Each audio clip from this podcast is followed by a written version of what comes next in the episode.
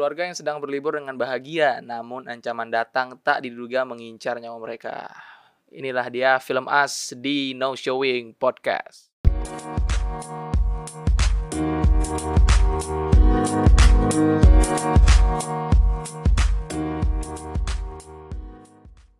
Hey guys, balik lagi eh, sama gua Raffi dan ada samping gua Gua Bima.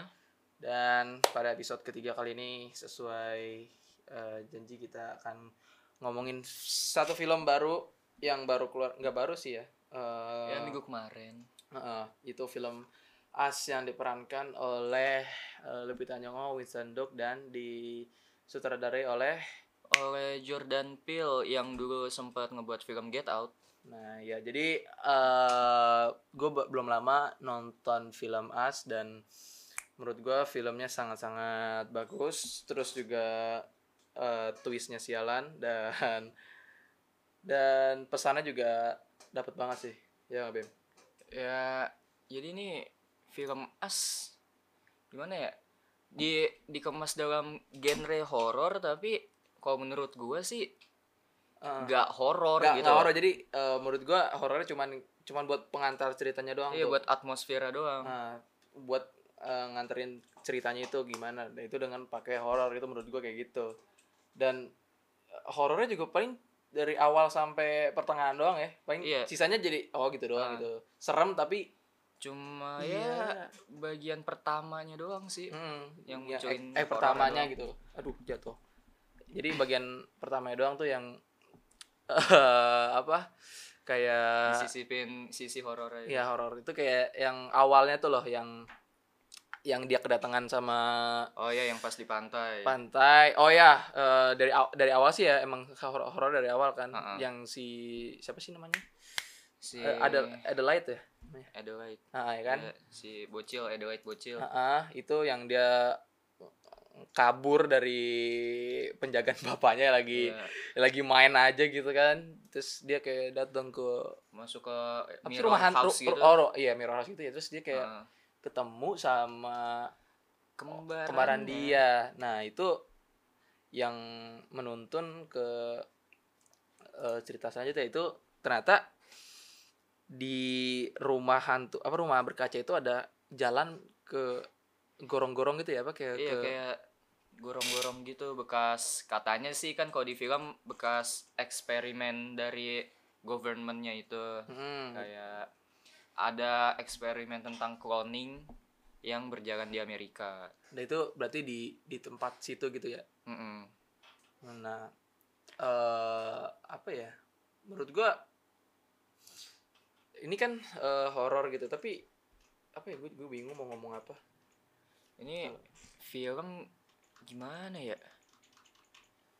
Kayak emang Jordan Peele kan dari film pertamanya dia kayak selalu ngebawa isu sosial gitu di Hmm. film-filmnya. Kayak pas Kayak di film Get Out Get dia Out ya bener-bener nunjukin kalau Amerika tuh rasis parah. ya kalau kalian tahu Get Out itu yang film yang eh, kulit put apa kulit, hitam eh kulit putih terus ingin menjadi kulit hitam karena karena dia kayak ngelihat superiority di dalam kulit hitam gitu kayak dari gayanya yang hip Iya pokoknya pokoknya beda ah, fisiknya yang strong digambarkan tuh beda Ah. gitu. Nah ya di di film ini Jordan Peele juga memasukkan makna maknanya apa ya menurut gue ya kayak kayaknya sih kayak makna sosial gitu deh iya gue bukan gue sih gue sih nangkapnya kayak eh, orang yang pengen ngerasain jadi orang lain gitu. Jadi misalnya Iya, iya. eh, jadi kayak kita terkekang Mm. gitu terus kita pengen jadi orang lain yang yang mereka di atas gitu yang enak gitu kan. Di sini kan di- digambarin kan gitu kan. Jadi dia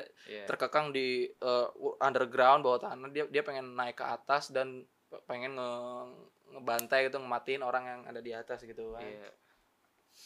Heeh, terus eh, banyak banget re- referensi-referensi juga di Film film, ini kayak eh, di dari awal film si Adelaide yang masih kecil nonton TV itu eh, ngegambarin apa eh, ngasih tahu kayak ada Fe- event gitu event. dulu Hands Iya. Across Amerika Hands Across America Hands Across America itu apa sih Bim? Jadi kalau Hands Across Amerika itu kayak acara charity gitu lah Hmm. untuk melawan isu rasisme di Amerika. Jadi pada tahun 1986 ada 6 juta orang yang berjabatan tangan barengan barengan dari pokoknya dari eh, timurnya Amerika sampai ke baratnya Amerika. Kebalik kebalik ke apa itu hand coba hand cross. Hand across Amerika. Mm-mm. jadi Jadi pokoknya dari pokoknya dari ujung ke ujung. dari ujung ke ujung tuh orang jabat tangan untuk melawan isu rasisme. Iya pokoknya dari pokoknya dari iya, dari barat Ah. ke timur atau timur ke barat lah pokoknya. Dan Terus, ini tuh pada tahun 1986 iya jadi mereka tuh eh jabat tangan itu sepanjang sepanjang Amerika. sepanjang Amerika lah ya. Nah itu kan dari awal gitu. Terus juga selain itu juga si Jordan Peele masukin unsur kelinci. Kalau kalian ya pasti kalian nonton dari awal tuh pas lagi bagian kredit di awal itu kan dari dari mata mata kelinci terus dia Iya. kamera mundur mundur ke akhirnya kita tahu kalau itu adalah kandang kelinci. Heeh. Eh, dan itu apa ya maknanya sih katanya eh, kelinci itu jadi kan kelinci kan eh, sering dikaitin sebagai hewan percobaan kan. Iya. Mungkin ada kaitannya juga sebagai di bawah situ ada tempat-tempatnya di mana hasil percobaan dari si governmentnya itu. Mm-mm, yaitu digambarkan lewat hewan kelinci dan lucunya tuh setelah kita nonton nonton nonton hewan kelinci ini dijadiin bahan makanan buat si penghuni Iya. orang di eh, Bawah bawah tanah tanah itu. itu dan orang-orang dan ternyata orang-orang di bawah tanah itu adalah orang yang sama di orang di atas sana gitu. Jadi orang tuh orang apa apa ya? Orang.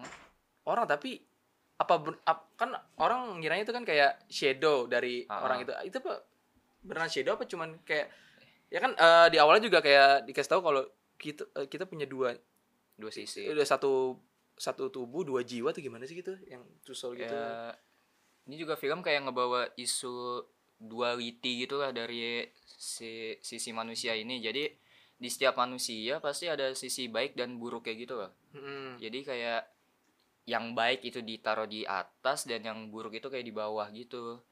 Jadi Ah. kayak tema duality-nya tuh kenceng banget di sini. Ah, gitu kan jadi kalau cerita itu kan gorong-gorong undergroundnya habis bekas percobaan gitu kan terus dijadiin malah kayak tempat tempat apa ya markasnya kembaran-kembaran orang di atas sana gitu. Terus juga pakaiannya juga sama pakai baju merah lah atau apa. Dan apa ya yang masih gua nggak ngerti itu ya mereka tuh muncul dari mana gitu. Gitu Iya, kan? gue juga bingung. Soalnya kan sempet bilang tuh pasti pas di mobil anaknya si Adelaide yang cewek Hmm. dia sempat bilang kalau habis lihat dari HP-nya dia kayak nunjukin fakta gitu. Kalau pemerintah menggunakan cairan apa fluorid fluorid apa apa Eh, lah ya? gitu. Gua nggak dengar tuh. Iya ada. Yang pas di mobil hmm. bahwa pemerintah itu kayak ngelakuin eksperimen dengan naruh sesuatu di air yang dikonsumsi orang-orang bahwa kalau air itu bisa buat jadi mind control gitu. Awalnya sih dari situ kalau yang memulai pembicaraan tentang ek- eksperimen yang dibuat sama pemerintah Hmm. Tapi juga selain itu pertanyaan gue juga apakah shadow shadow ini itu beneran ada apa cuman ada di pikiran mereka doang ya? kayaknya sih kalau di sini kan emang ada di worldnya sih Ah. kayaknya mah Jadi kayak mereka benar-benar ngancam gitu, nggak Iya. cuman di ada cuman di pikiran mereka doang gitu. Itu yang yang masih pertanyaan gue juga mereka kan aneh banget gitu aja datang dari bawah tanah, bajunya sama, bawa gunting, terus iya. terus gunting itu kayak kayak apa ya kayak, kayak ikonik aja gitu. Dia megang megangnya di deket dada gitu kan dekat Ah. dada dia. Terus ibu ibu ngancem mereka mereka yang ada di atas gitu. Kalau dari kostumnya sih katanya dari si direktornya ini si Jordan Peele bilang kalau kan si Adelaide itu ke ketuker di yang di tempat mirror itu Ha-ha. tempat kaca kan pada tahun ya 86. 80-an lah ya hmm, pas tahun 80-an nah pas tahun 80-an itu kan zamannya zaman Michael Jackson tuh hmm. Michael Jackson kalau bisa dilihat kan di video klip yang thriller thriller nah gitu dia ya. itu kayak pakai setelan merah Heeh. sama sarung tangan sebelah doang tuh sarung tangan kulit sebelah doang Iya, iya, mungkin iya. dari situ terinspirasi buat baju yang kayak gitu oh iya iya iya Tapi itu udah dikonfirmasi sama dia apa emang? udah udah dikonfirmasi jadi Oh, emang gitu. pop culture gitu oh. ngikutin pop culture. Tapi, tapi tetap aja ya. Menurut gua Iya. ya p- kayak semacam plot hole gak sih kayak gitu?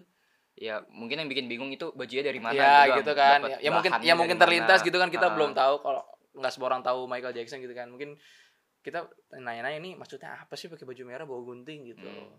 Terus juga lagi ya? Gue juga bingung mau ngebahasnya. Terus kembaran kembar terus yang gua suka dari film itu ya itu plot twistnya jadi ternyata Oh, yang setelah akhir. ya setelah kita tahu kita nonton ternyata si Adelaide-nya itu ketuker dia yang sebenarnya kita tahu setelah setelah si Adelaide aslinya itu ngebunuh si Adelaide yang di bawah itu kan iya kan gitu kan justru Adelaide yang di bawah ngebunuh yang asli. Oh iya oh iya iya.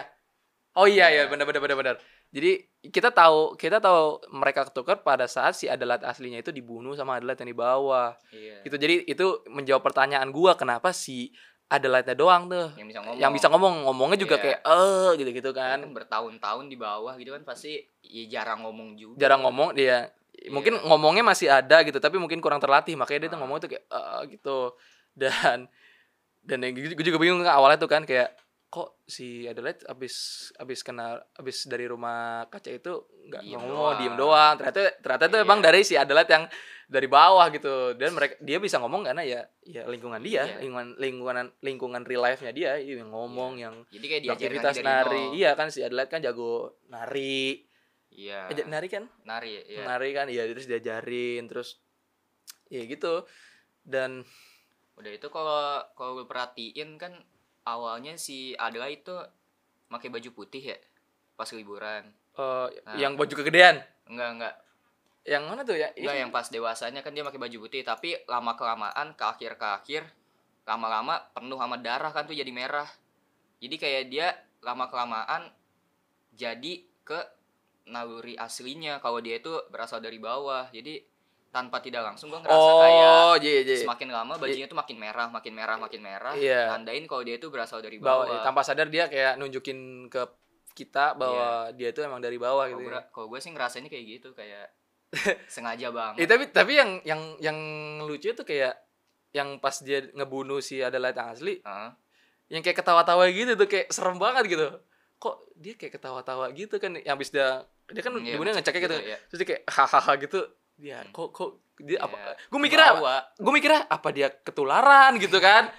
Apa dia ketularan? Oh ternyata gue kira emang kayak nunjukin naluri asli manusia gue kira kayak Ah, gitu iya. awal taunya aw- mah awalnya. emang dari bawah aslinya iya gue pertama kali gue first impression gue apa dia ketularan? Dia dia, dia ngebunuh bayangannya terus dia berubah jadi dia gitu. Oh ternyata emang emang dia dari bawah ya ternyata endingnya kayak oh, tai. sama banyaknya angka sebelas sebelas oh iya tuh ya ah itu maksudnya apa sih nah iya eh so, angka sebelas sebelas kan dia juga dari nunjukin di Alkitab ya di Alkitab Iya, Re. sebelas sebelas Jeremia iya Remaya ya dia kayak nyeritain apa ya pokoknya sih gue bingung isi ayat itu sama filmnya kalau menurut gue sih hubungannya dikit gitu loh Nah, ini gue bacain ya. Ini 11 11. Iya. Sebab itu beginilah firman Tuhan sesungguhnya aku mendatangkan ke di atas mereka malapetaka yang tidak dapat mereka hindari dan apabila mereka bersuruh padaku maka aku tidak akan mendengarkan mereka.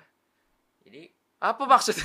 gue bingung gue juga apa hubungannya sama filmnya gitu Ah, kan gitu. Yang yang kita tahu ini surat Kalau- dari Yeremia. menurut gue sih sebelas sebelas itu dipilih gara-gara dua angka yang sama berdampingan gitu. jadi kayak satu sama satu gitu kayak mirror gitu loh Heeh. Itu kan bisa kayak- aja angka, kayak- angka lain gitu misalnya kayak iya, 12 Iya. 12 gitu 11 11 kalau sama. gue sih mikirnya kayak satu sama satu nunjukin kayak mirror gitu kayak Sama, tema benar-benar sama gitu. tema filmnya kan duality gitu kayak kaca cermin satu Hmm. sama satu ya sama gitu loh Oh, terus kita pertama kali tahu itu 11 11 dari mana ya? dari yang pantai itu yang pantai yang orang megang iya, Jeremia itu ya 11 11 terus jam jam. Nunjukin 11 11 terus banyak sih di ambulan juga ada kok diperhatiin di yang ambulan yang si yang orang itu mati Iya. dia megang itu. Makanya gue gue selama film tuh gue pikir pertama kelinci 11 11 tuh apalagi nih terus gue coba ini oh, yang belum kejawab itu doang 11 11 menurut gue apa ya? Pas Oh, gue cari. dari ayat sih bingung gue juga apa Mm-mm. hubungannya sama film? Nggak ngerti juga kita kan. Ini